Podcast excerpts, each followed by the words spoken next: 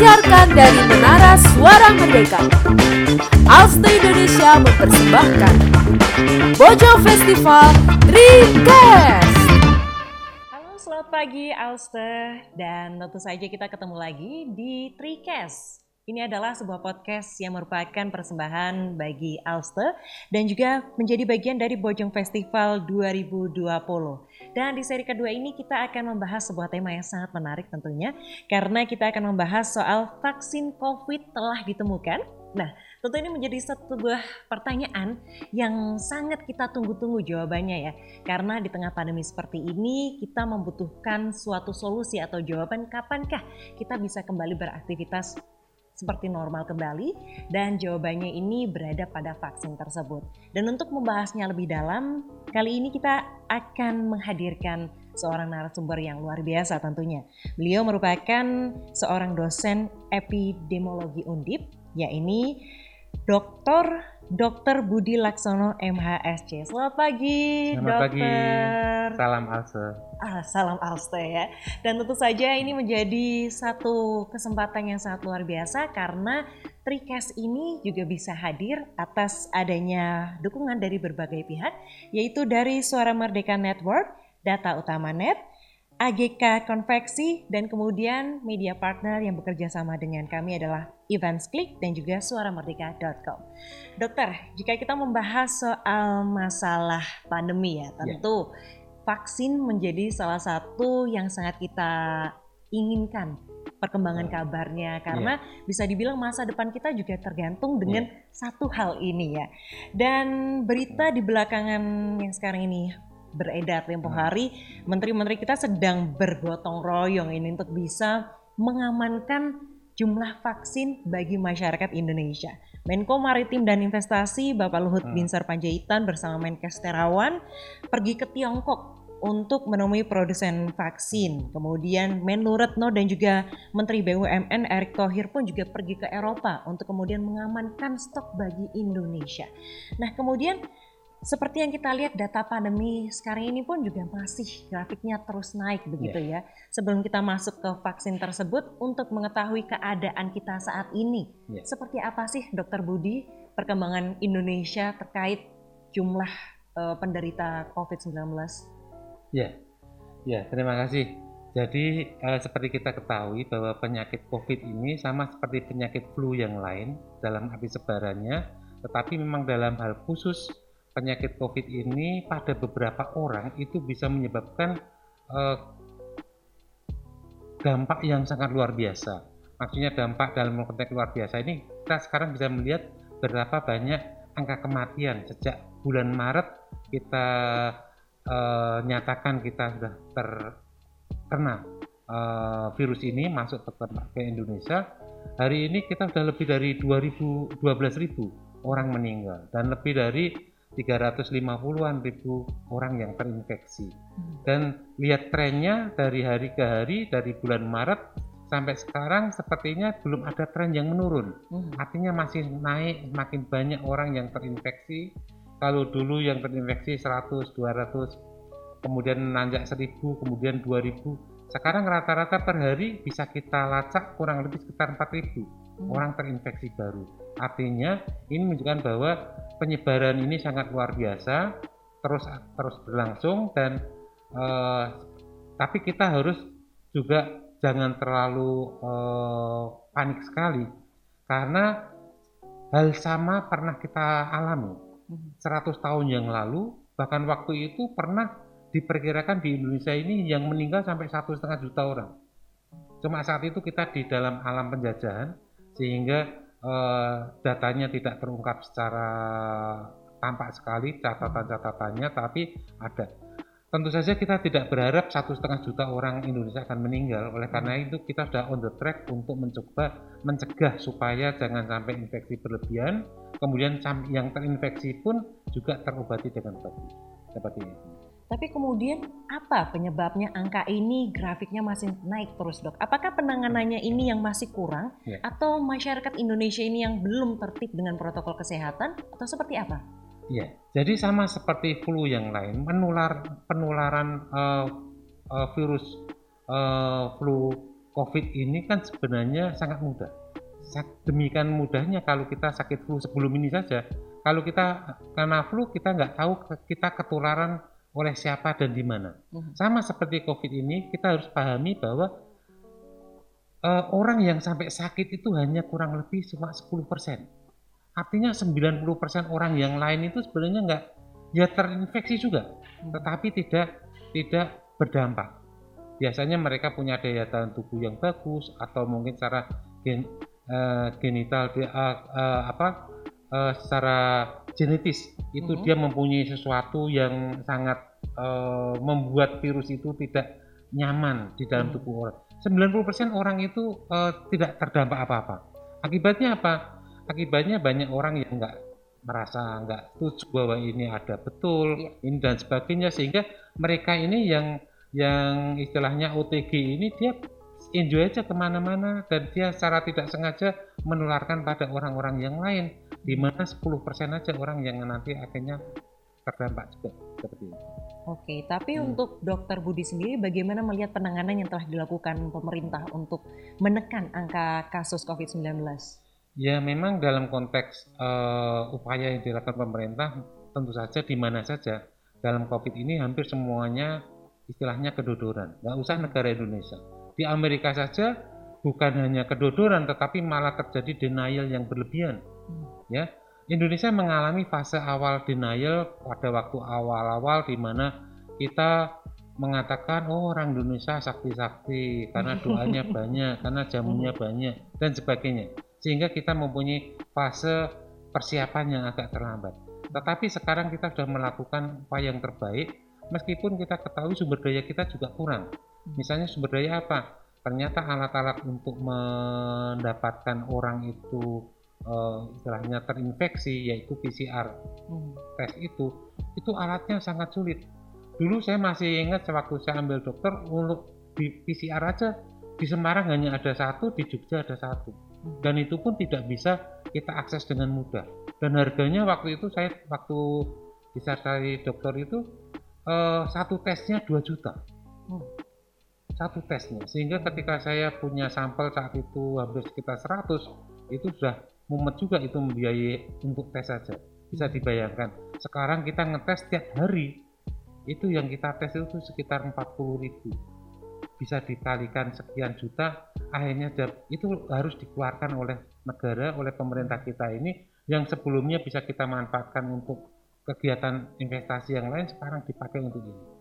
Itu kita sudah melakukan yang maksimal, yang yang yang bisa kita lakukan, tetapi memang masih banyak kritis macam-macam. Saya kira itu wajar teman-teman. Hmm.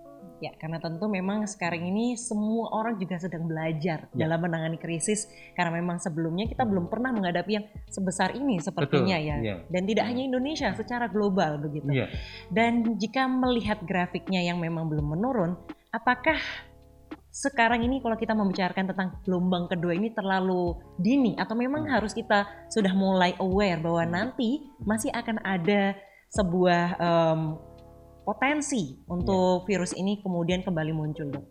Ya, istilah gelombang kedua itu dulu muncul pada epidemi epidemi uh, flu ini di Spanyol, di mana pada fase-fase awal adanya gelombang uh, serangan ini pemerintah saat itu sangat sadar sehingga dia langsung mencegah masyarakatnya dengan cara yang kuat untuk supaya dengan meluar dan itu berhasil sehingga eh, pada fase pertama ada gelombang eh, epidemi yang naik kemudian menurun. Hmm. sekitar tiga bulan dianggap sudah bebas kan gitu kan. Tapi tiba-tiba orang-orang yang belum terinfeksi menjadi terinfeksi lagi karena perilakunya sudah biasa lagi itulah maka, maka disebut gelombang kedua. Hmm. Jadi gelombang kedua itu ada fase puncak kemudian menurun. Hmm. Tetapi kalau kita lihat trennya saat ini, kita gelombang satu aja belum, belum selesai. selesai, belum ada puncaknya ini. yeah. Kalau kemarin kita uh, seratusan, dua ratusan, lima ratus, sampai akhirnya dua ribu, sekarang kita periode per perharinya kita sudah sekitar empat ribu. Dan itu kita belum tahu apakah nanti akan naik lagi atau turun lagi. Dan kalau kalau gelombang itu kalau kita lihat dalam konteks uh, kematiannya atau new infeksinya itu kalau new infeksi harus dari tracing yang kuat. Tetapi tracing kita pun banyak di debat juga, apakah sudah kuat juga kan seperti itu. Ada beberapa kritis kalau tracing kita kurang kuat, sehingga banyak sebenarnya kalau kita menemukan satu orang itu kadang-kadang di luar bisa 10 orang yang belum kita tracing seperti itu. Oleh karena itu sudah kita eh, apa namanya, yang penting kita sudah tidak pikir gelombang satu, gelombang dua, Hmm. gelombang satu ini kita selesaikan dan insya Allah sebenarnya kalau ini selesai sepertinya tidak ada gelombang kedua Hmm. tapi ada gelombang kecil-kecil karena eh, sebarannya sudah banyak Hmm. Ya, Oke, tapi mungkin bagi kita ini juga harus uh, berhati-hati terhadap gelombang yang kecil-kecil itu ya. Apalagi Betul. mungkin bagi daerah-daerah yang tadinya memang dia sempat merah atau Hmm. hitam, kemudian sekarang sudah mulai melandai begitu Ya, grafiknya. Jangan sampai kita kemudian abai karena terlena dengan keadaannya sepertinya semakin baik, tapi ternyata nanti bisa saja tiba-tiba gelombang ini naik Muncul lagi, lagi, begitu iya. ya dokter. ya seperti kalau kita lihat saat ini misalnya di Cina Hmm. meskipun eh, apa namanya ada kasus kasusnya hanya cuma satu satu satu secara sporadis. Hmm. sehingga eh, boleh dibilang ini cuma area gelombang kecil-kecil. Sama seperti di Korea seperti di Malaysia. Bahkan di Singapura kemarin ada yang meninggal satu. Artinya ada riakan kecil-kecil dari dulu gelombangnya sudah cukup banyak. Nah inilah eh, yang kita harapkan baik gelombang besar maupun yang ria-ria ini kalau bisa kita betul-betul kita bisa atasi. Hmm. meskipun itu tugas yang sangat berat bagi bag- kalau kita epidemiolog ngertinya itu sebenarnya sangat tidak mudah sekali seperti Mhm. itu. Oke, baik. Dan kemudian di tengah pandemi ini Hmm. muncul sebuah istilah yang menjadi tren begitu ya setelah Hmm. beberapa tokoh Hmm. Indonesia pun juga mengemukakan tentang kata-kata ini yaitu herd immunity. Nah, sebenarnya apa sih herd Ya. immunity itu, Dok? Jadi herd immunity itu adalah suatu imunitas yang terjadi pada masyarakat secara alami ketika suatu saat kena wabah atau penyakit-penyakit tertentu yang baru. Sama seperti flu ini, flu itu bermacam-macam banyaknya. Salah satunya dulu pernah kita mendapatkan jenis flu Spanyol tahun 100 tahun yang lalu. Dan itu waktu itu tidak ada yang namanya tracing, tidak ada namanya obat, tidak ada namanya terapi-terapi. Yang ada cuma orang hidup atau mati. Hmm. Tetapi meskipun begitu dari 70 juta orang Indonesia saat itu ada diperkirakan sekitar satu juta orang meninggal. Satu dari 70 orang meninggal.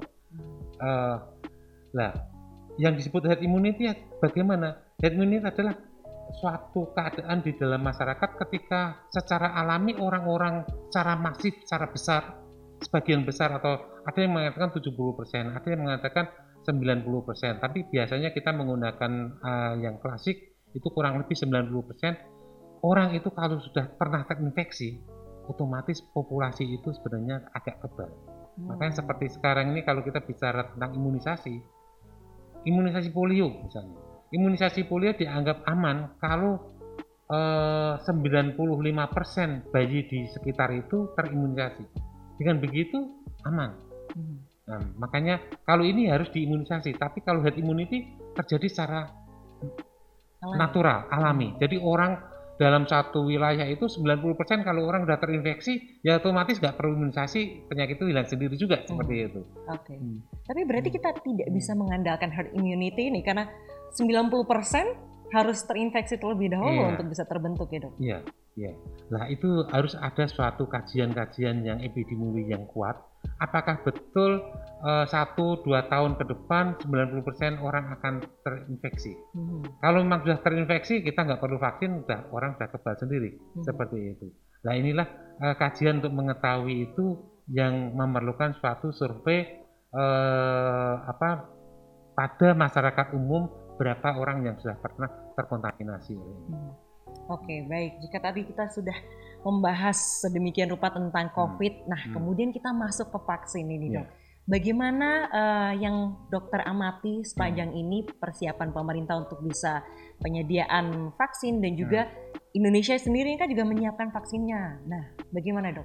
Ya, jadi eh, kalau boleh saya agak mundur ke belakang Hmm. ilmu pelajaran kalau kami dulu di Alta itu oleh Bu Anjar atau kalau yang sekarang mungkin oleh yang lain. Hmm. Jadi yang namanya imunitas seseorang itu ini adalah suatu keajaiban yang diberikan Tuhan kepada setiap makhluk hidup di dunia ini bahwa orang itu mempunyai namanya eh, daya tahan tubuh atau imunitas dan imunitas itu telah kita pelajari sejak zaman Louis Pasteur ya ternyata ada orang-orang kena TBC tapi ada orang yang kena TBC-nya ringan. Kenapa kok ringan? Ternyata orang ini dia punya luka-luka sehingga dia ketularan TBC-nya sapi. Nah sehingga dengan begitu oh orang yang pernah ketularan TBC-nya sapi ternyata bisa kebal terhadap TBC-nya manusia. Hmm. ya kan?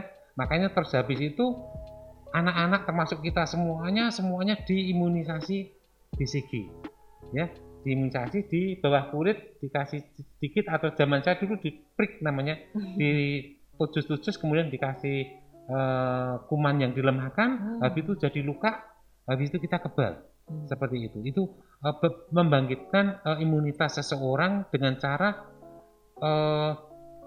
kuman-kuman yang belum kita kenal itu dikenalkan Hmm. secara langsung yang dilemahkan. Hmm. Dengan adanya eh, kuman yang lemah, tubuh akan membentuk imunitas Hmm. secara aktif terhadap kuman itu. Hmm. Nah, dari dasar itulah eh, tubuh akan kebal terhadap penyakit-penyakit tertentu. Hmm. Dan kita saat ini hidup sudah puluhan tahun, sebenarnya tubuh kita ini terbentuk ribuan bahkan mungkin jutaan vaksin terhadap semua bakteri-bakteri, semua virus yang ada di dunia ini. Kalau sampai saat ini kita hidup, berarti kita punya vaksin terhadap itu semuanya di dalam tubuh kita. Jadi tubuh kita ini adalah pabrik vaksin sebenarnya. Luar biasa Pabrik berarti ya. vaksin. Hmm. Begitu. Ada ribuan. Jadi kalau kita mencari vaksin satu aja masih sulit. Tuhan sudah menciptakan pabrik vaksin di dalam tubuh setiap orang. Hmm. Makanya kalau saat ini ada orang yang yang kemarin kena, sekarang sudah sembuh, berarti dia pabriknya sudah dibangkitkan Hmm. seperti itu. Nah kemudian eh, itu imunitas aktif, ada imunitas yang pasif. Misalnya apa? Seperti orang kena tetanus misalnya, Hmm. kemudian diberi serum. Serum itu adalah eh, eh, antibodi miliknya orang lain atau miliknya binatang yang kemudian ketika orang itu kena kena racun itu disuntikan. Hmm. Misalnya kena anti bisa ular, Hmm. kita diobati oleh eh, imunitas pasif dari eh, serumnya misalnya kuda atau orang disuntikkan sehingga kalau ada bisa di tubuh kita akan di, dimakan oleh eh, anti bisa ular itu. Hmm. Nah, itu namanya imunitas pasif seperti yang diajarkan ibu guru biologi kita.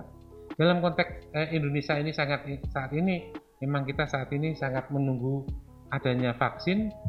Harapan kita kalau semua orang tervaksinasi, kita sudah ayem, mungkin angka yang sakit atau yang meninggal tentu saja akan menjadi sedikit. Hmm. Dan secara politis eh, negara bisa mengatakan kepada masyarakat bahwa kami sudah melakukan hal yang baik untuk melindungi masyarakat kita. Tetapi yang terbaik itu bukan berarti sudah baik, Hmm. karena orang divaksin itu belum tentu pasti akan kebal. Memang 95% akan bagus, tetapi 5% itu juga banyak juga untuk ukuran ratusan juta Indonesia kan gitu kan. Oleh karena itulah eh, meskipun vaksin itu kita tunggu keberadaannya bukan berarti kita normal besok kita langsung bisa enak-enak seperti itu. Apalagi yang jelas kita tidak mungkin memvaksin orang seluruh Indonesia itu dalam waktu yang cepat Hmm. karena kita belum punya pabrik vaksinnya. Hmm. Dan kalau kita beli beli pun juga selain mahal juga produknya di dunia belum ada banyak Hmm. seperti itu. Sehingga nanti yang divaksin hanya orang-orang tertentu satu tahun kita memvaksin taruhan 50 juta itu udah berat. Hmm. Padahal tuh rakyat kita tuh ada 260 juta. Lima tahun kita baru dapat semuanya vaksin. Bisa dibayangkan kan kalau kita nanti berpikir besok normal ada vaksin, terus kita tidak pakai masker dan sebagainya, itu betul-betul naif sekali. Hmm. Oke, baik. Tapi ini memang menjadi PR tersendiri ya, karena Hmm. sebanyak ini masyarakat di Indonesia dari em, data yang saya dapatkan juga dosis yang dibutuhkan itu bahkan sampai lebih dari em, 500 ribu juta begitu ya untuk dosisnya karena Iya. penduduknya sendiri. Iya. Untuk garda terdepan ada tiga setengah juta. Kemudian untuk tenaga pendidik ada 4,3 juta warga dan juga untuk aparatur pemerintah 2,3 belum yang lain-lain begitu. Iya, iya, iya. Ini mereka baru eh, sesuatu yang primer terlebih dahulu untuk Hmm, dilindungi, iya, iya. kemudian masyarakat umum juga akan menjadi prioritas selanjutnya. Iya. Banyak sekali PR yang harus disiapkan pemerintah untuk Iya. bisa menyelesaikan semua ini. Tapi kemudian bagaimana optimisme yang dilihat dari Dr. Budi atas vaksin yang akan diproduksi oleh Indonesia ataupun yang saat ini dikerjasama dengan pihak luar untuk bisa didatangkan ke Indonesia? Ya, kebetulan vaksin yang akan diproduksi oleh Bio Farma adalah vaksin yang berasal dari virus di Wuhan, di mana virus di Wuhan ini mempunyai kemiripan dari eh, dengan virus yang ada di Indonesia karena virus di Indonesia ini hampir sebagian besar adalah virus turunan dari Wuhan. Hmm. Sehingga tentu saja eh, efektivitasnya secara teoritis tentu saja akan lebih baik. Eh, meskipun begitu, kita juga eh, men mencari vaksin tambahannya misalnya dari Abu Dhabi, virus Arab ini, ya kan? Hmm. Kemudian virus Amerika kan gitu kan? Hmm. Nah, tentu saja semoga juga efektif juga. Oleh karena itu eh, karena ibaratnya kita baru mencari istilahnya produknya ada dulu. Efektifnya itu kadang-kadang nanti sambil berjalan dilihat. Kalau kenyataan kita sudah beli ternyata vaksin dari Amerika ini nggak cocok untuk orang Indonesia ya terpaksa sudah kita beli. Kalau memang orangnya itu nanti uh, imunitasnya tidak seperti yang diharapkan ya terpaksa nanti diimunisasi dengan vaksin yang kita produksi. Hmm. Itulah nanti makanya program imunisasi ini bisa berjalan bisa lebih lama hmm. seperti itu. Oke, dan apalagi sempat kemarin kan ada pro kontra tentang vaksin, hmm. penggunaan vaksin ya. untuk masyarakat Indonesia ya. Ada yang menganggap bahwa ini aman, tapi ada yang kadang curiga apakah hmm. bahan-bahan di dalamnya ini halal, apakah hmm. nanti aman. Nah, hmm. Bagaimana dok untuk bisa memberikan pemahaman kepada masyarakat bahwa ini tidak hanya tanggung jawab kita sebagai satu orang individu, tapi yeah. juga akan bergantung negara ini terhadap kita. Ya, memang uh, semua uh, obat apalagi semua vaksin yang langsung masuk ke tubuh kita itu dalam porsi tertentu itu ada ketidakamanan makanya eh, tapi dengan adanya uji klinik preklinik uji klinik sekarang ini yang kita lakukan terhadap banyak orang kita akan tahu oh ternyata vaksin ini aman hmm. karena kita sudah mencoba pada taruhlah 100 ribu orang ternyata yang terdampak sakit misalnya ada cuma dua orang, oh berarti kan di bawah satu persen. Hmm. Itu uh, uh, safety-nya masih lumayan, kan seperti itu. Nah, oleh karena itu keamanannya, saya kira uh, itu akan menjadi concern, meskipun bisa terjadi suatu saat akan terjadi uh, ada hal-hal yang tidak aman.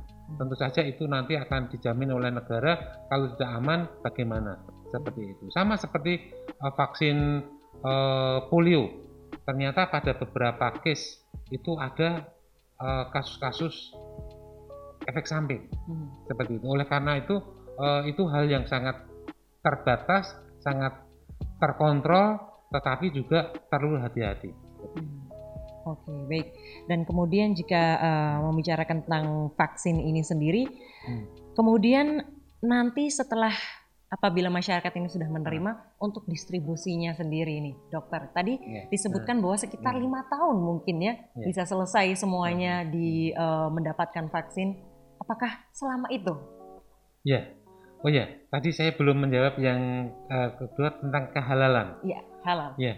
Jadi memang begini, kalau kita ini uh, bicara tentang obat, memang pada titik-titik tertentu kita mengharapkan obat itu dibuat dengan cara yang halal dalam konteks hmm. ini tidak ada eh, protein-protein babi yang included ke sana. Hmm. Tetapi uh, kita harus tahu bahwa kadang-kadang dengan kematian yang banyak seperti ini, hal-hal seperti itu harus kita pikirkan itu bagian dari hal kedaruratan. Hmm.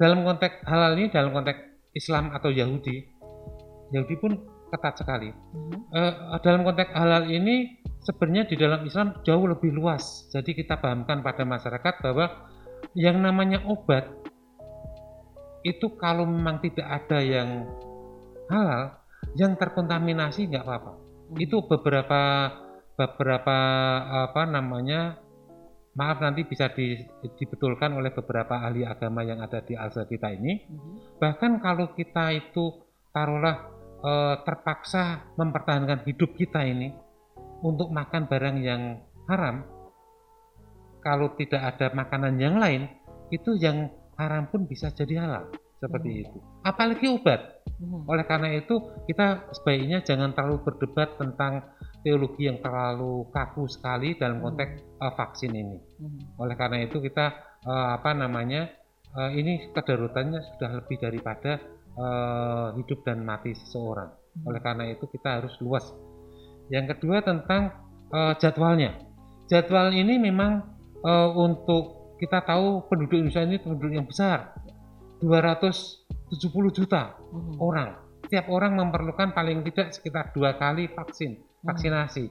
Oleh karena itu bisa dibayangkan padahal yang di dijatah untuk kita itu kita baru mendapatkan jatah 2 50 juta eh, file un- dari Cina. Kemudian kita harus terpaksa mencari lagi dari Abu Dhabi. Kita kemarin eh, Pak Menteri kita yang ke Inggris mendapatkan slot 100 juta Mhm. luar biasa banyak ya tetapi ternyata masih kurang banyak juga Mhm. nah dari dasar itulah nanti pemerintah dengan ahli-ahlinya akan membuat gradasi Mhm. mana yang divaksinasi dulu orang-orang yang rawan ke atau orang-orang yang risiko tinggi kemudian orang yang yang dan sebagainya oleh karena itu eh, nanti akan bijaksana dan kita menjadi orang yang agak terlambat itu bukan berarti kita itu dianaktirikan Mhm. tetapi kita yang agak lambat itu biasanya dipilih orang-orang yang betul-betul kuat Mhm. anak-anak muda anak yang kebal-kebal daya tahannya bagus mungkin kita terpaksa dibelakangkan Hmm. tetapi kalau di belakang jangan pergi ke kafe-kafe terus hubungan apa tertular risikonya tinggi Iya. juga berat juga. Oke, baik. Jadi ini untuk anak-anak muda pun juga tanggung jawabnya besar ya untuk Besar, menjaga ya. kesehatan masyarakat ini. Ya. Dan kemudian satu hal ini, Dokter Budi, apa langkah yang bisa dilakukan oleh masyarakat untuk bisa mengawal tentang dihadirkannya vaksin atau dalam eh, menciptakan vaksin di Indonesia ini? Ya, ya kalau misalnya untuk mengawal ini kebetulan kalau kita lihat pemerintah sudah concern sekali, sudah berjuang mati-matian. Yang bisa kawal kita kawal ya kita dengan doa saja. kalau kita nanti demo-demo cepat-cepat malah nanti yang buat vaksin keliru-keliru kan gitu kan. Sudah kita pasrahkan pada yang membuat vaksin, yang mengurus vaksin, kita doakan aja moga-moga Indonesia dapat rezeki banyak. Amin. Tetapi untuk yang muda-muda supaya Indonesia ini uangnya cukup banyak, ya kita harus bekerja keras Hmm. dalam bidangnya masing-masing. Hmm. Kalau Anda bekerja, otomatis Anda punya hasil untuk keluarga atau untuk orang tua, sehingga orang tua ini tidak perlu diberi biaya oleh negara. Hmm. Kalau seperti itu, otomatis itu sudah membantu negara. Hmm. Ya seperti itu. Jangan sampai nanti kita sudah gini negara berat-berat begini, kita utang ini uangnya. Hmm. ya. Kita nanti malah malas bekerja, nggak bekerja, malah kita eh, misalnya saja kita eh, AB terus nggak bekerja dengan alasan macam-macam, Mhm. ya sehingga malah bang, pabriknya bangkrut, pajaknya nggak ada, kita nanti malah susah. Ya. Oke, Seperti baik ini memang efek domino begitu Domino, ya. ya. Semuanya memiliki perannya masing-masing untuk Iya. bisa Hmm. eh, membantu Indonesia, membantu Betul, negara iya, begitu ya. iya. Baik, Dokter Budi, kita juga sudah mendapatkan banyak pertanyaan yang sudah kita eh, kurasi Ya. dari Instagram Bojong Festival. Siap. Jadi kemarin sudah kita share dan kemudian kita mendapatkan beberapa pertanyaan. Yang pertama ini dari Rode Dayu. Kapan sekiranya keadaan pandemi bisa dikatakan berakhir? Iya. Ini sepertinya jawabannya kita tunggu semuanya. Iya, ya. Kembali lagi kepada tadi. Ketika kita sudah melihat bahwa grafik kita itu yang dari 100 naik ke 4000 dengan tes yang sama itu nanti sudah menurun sampai ke angka lagi sekitar 25 maka itu adalah tanda-tanda akan berakhirnya Hmm. kasus. Atau kalau tidak kalau sekitar 90% rakyat kita terimunisasi insya Allah itu eh, fase-fase akhir dari Hmm. pandemi ini.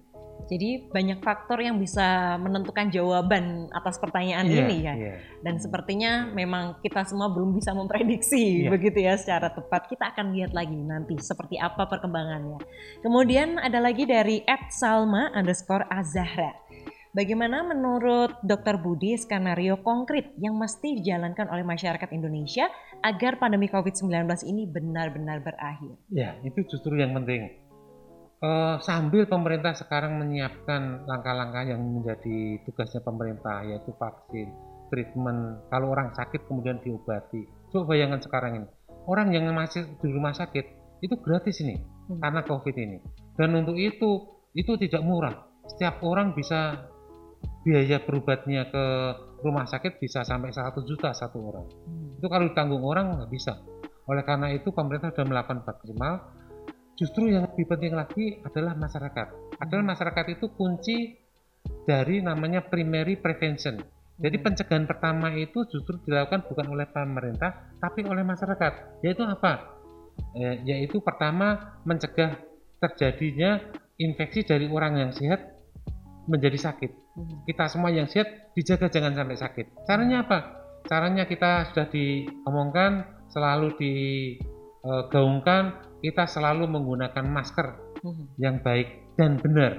Yang baik itu bukan masker tinggal semua latar, tapi masker yang sudah eh, SNI. SNI itu kalau kain itu minimal tiga lapis atau kalau dua lapis ada tisunya di dalam, Hmm. ya itu eh, masker yang baik. Kemudian yang benar ya dipakai semua ke hidung dan mulut, secara kontinu, every time, everywhere. Saat ini kita nggak pakai masker karena memang pertama jarak kita jauh dan di ruangan ini cuma ada kita, ya kan? Nah, Mhm. sehingga kita apa namanya bisa meyakinkan bahwa eh, apa namanya kita tidak akan saling menularkan harapan saya seperti itu. Dan menggunakan face shield ya. Ya, ada visitnya sehingga kalau ada aerosol tidak lari-lari ke sana. Iya. Ya, seperti itu. Jadi masyarakat harus pakai masker secara disiplin. Kemudian kalau ada temannya yang nggak pakai masker harus berani menegur, ya kan? Kemudian eh, cuci tangan terus. Kenapa? Karena tangan kita kadang-kadang pegang-pegang barang yang dipegang orang lain dan kemudian kita pegang mulut, hidung, mata Hmm. sehingga it- eh, ini bisa masuk ke hidung lagi atau masuk ke mata sehingga itu bisa menginfeksi. Hmm. Nah, kemudian selain eh, masker, kemudian hand, hand sanitizer atau cuci tangan, kita selalu berjaga jarak. Hmm. Meskipun kita sama-sama pakai masker, itu bukan 100% aerosol itu nggak keluar, enggak. Hmm. Secara eh, SNI pun adalah cuma 95%. Hmm. Masih ada 5%. Jadi kalau kita dekat-dekatan pakai masker tapi kita sal- terlalu dekat, ya berisiko juga. Hmm. Makanya selain itu tiga-tiganya harus kita lakukan bersama-sama dan kita menjaga diri kita dan menjaga orang di sekitar kita. Karena apa? Kalau dulu kita takut dengan copet, dengan orang jahat, sekarang kita takut dengan orang yang tidak pakai masker. Hmm. Ya, itu yang harus kita waspadai. Orang yang tidak pakai masker itu adalah orang yang lebih daripada copet. Sehingga kita harus hati-hati, ya. Oke. Iya. Baik, jadi ini memang Hmm. membutuhkan kesadaran pribadi Iya, dan juga iya. bisa saling mengingatkan begitu ya. Iya. Karena ini sudah bukan aksesoris atau untuk seperti apa begitu ya, tapi ini Hmm. udah benar-benar menjadi kebutuhan kita Iya, begitu ya. Karena eh, maskermu melindungiku dan juga melindungimu. Hmm. Siap. Ya. Oke, baik. Kemudian ada pertanyaan datang dari Ed Gading IHSN. Bagaimana tanggapan Dokter Budi mengenai orang-orang yang tidak berani menerima vaksin COVID-19? Mungkin ini sedikit banyak sudah kita bahas tadi ya, Dok ya. Hmm, ya. Ya, memang sa- secara eh, hak asasi kalau orang tidak berani ya malah beneran asal dia memang betul-betul sudah eh, apa namanya syukur pernah terpapar tapi kecil sehingga dia punya imunitas. Hmm. Tapi jangan sampai ada orang yang tidak berani tapi kemudian dia adalah orang rentan akhirnya justru sakit. Hmm. Makanya pastikan bahwa orang-orang ini eh, mendapatkan kekebalan baik itu lewat vaksin atau lewat natural. Hmm. Seperti kita tahu, saya sudah ngomong di awal tadi, 90% orang sebenarnya sudah eh, apa eh, pernah terkena dan tidak bergejala. Hmm. Dan orang ini sebenarnya kalau boleh boleh jujur sebenarnya tidak perlu divaksin seperti Oh. itu. Mereka sudah eh, kebal secara natural seperti itu. Hmm. Nah, oleh karena itu, kenapa vaksin itu diberikan nanti pada orang-orang berdasarkan range? Mhm. Karena eh, itulah kita pelajari banyak orang-orang yang sebenarnya OTG itu sebenarnya sudah tidak perlu divaksinasi. Hmm. Oke, baik. Dan em, kemudian Dokter Budi boleh ditambahkan tentang dokter ini kan juga sebagai staf ahli gugus tugas Jateng, betul ya, Ya, dok ya. ya. Bagaimana keadaan di lapangan yang sebenarnya yang mungkin barangkali banyak belum kita ketahui begitu kan tentang bagaimana urgensi dari COVID-19 ini bisa diberikan gambaran kepada kita sehingga kita menjadi lebih aware, lebih Ya. waspada juga terhadap Ya. COVID ini. Ya, eh, sebenarnya sudah tidak kurang-kurang kita ini eh, bersama-sama mengutarakan tentang pentingnya pakai masker. Tetapi sama seperti dalam suatu eh, grafik, grafik itu sebagian besar orang tahu, tapi sebagian besar orang, eh, sebagian kecil tahu sekali. Hmm. Tapi ada sebagian kecil di sini grafik normal itu tahu tapi tidak melakukan, Hmm. tahu tapi sibuk dan sebagainya. Oleh karena itulah eh, kita sekarang mewaspadai orang-orang yang tahu tapi tidak disiplin, Mhm. kemudian orang yang tidak tahu. Hmm. Orang tahu tidak disiplin itu kalau kita akrab dengan teman eh, dekat-dekat kita harus berani mengatakan ah kamu harus pakai masker kan Hmm. seperti itu. Dan bahkan kalau kita eh, mempunyai masker kita simpan di tas kita kalau ada orang yang perlu maskernya tak kasih karena daripada dia nulari kita seperti itu. bagi orang yang low educated yang tidak tidak teredukasi dengan bagus bahkan orang tuh ngeyelan atau denial Hmm. orang-orang ini memang harus kita dorong dengan motivasi terus bahkan kalau perlu dengan cara-cara yang lebih keras makanya kenapa itu ada eh, orang dipakai polisi pakai tentara pakai denda dan sebagainya karena orang-orang ini memang harus dipaksa Hmm. dan itu dalam suatu komunitas ada orang yang mudah menerima ada orang yang sulit menerima Hmm. yang sulit ini memang harus digitukan seperti itu Oke, baik. Jadi memang em, ada cara-cara istilahnya yang secara edukasi sudah Ya. diberikan, kemudian sosialisasi. Salah satunya Dokter Budi ini juga rajin melakukan sosialisasi ya dok ya, ya untuk ya. membuat masyarakat ini lebih sadar tentang betapa Hmm. bahayanya ini dan pentingnya kita untuk saling menjaga kesehatan begitu Betul. ya. Tapi juga ada eh, cara-cara yang berupa teguran, sanksi, kemudian memang secara paksa ini kita harus bisa tertib begitu ya, karena Hmm. tentu masyarakat ini terdiri dari berbagai macam orang, berbagai macam sifatnya dan tujuan kita bersama itu hanya satu yaitu menjaga kesehatan sehingga Indonesia bisa bebas dari pandemi COVID-19 begitu. Baik, terima kasih Dokter sama-sama, Budi ya. atas ilmu yang telah disampaikan, atas eh, banyak sekali materi yang tadi sudah kita pelajari bersama dan lebih paham begitu ya. Dan kita juga sekali lagi ingin mengucapkan terima kasih kepada pihak-pihak yang telah membantu acaranya Trikes Bojong Festival 2020 ini bisa terselenggara dengan dengan lancar yaitu di antaranya sponsor kita ada Suara Merdeka Network, ada Data Utama Net, ada AGK, Konveksi, kemudian juga untuk media partner kita yaitu Events Click dan juga suaramerdeka.com. Dan juga untuk Alsta jangan lupa untuk stay tune di Instagram at Bojong Festival karena nanti masih akan ada berbagai macam isu lain dan juga masalah lain yang akan kita bahas di episode podcast Trikes selanjutnya. Jadi terima kasih dan sampai jumpa. Terima kasih ya sudah mendengarkan podcast Bojong Festival 2020. Sampai bertemu di podcast selanjutnya.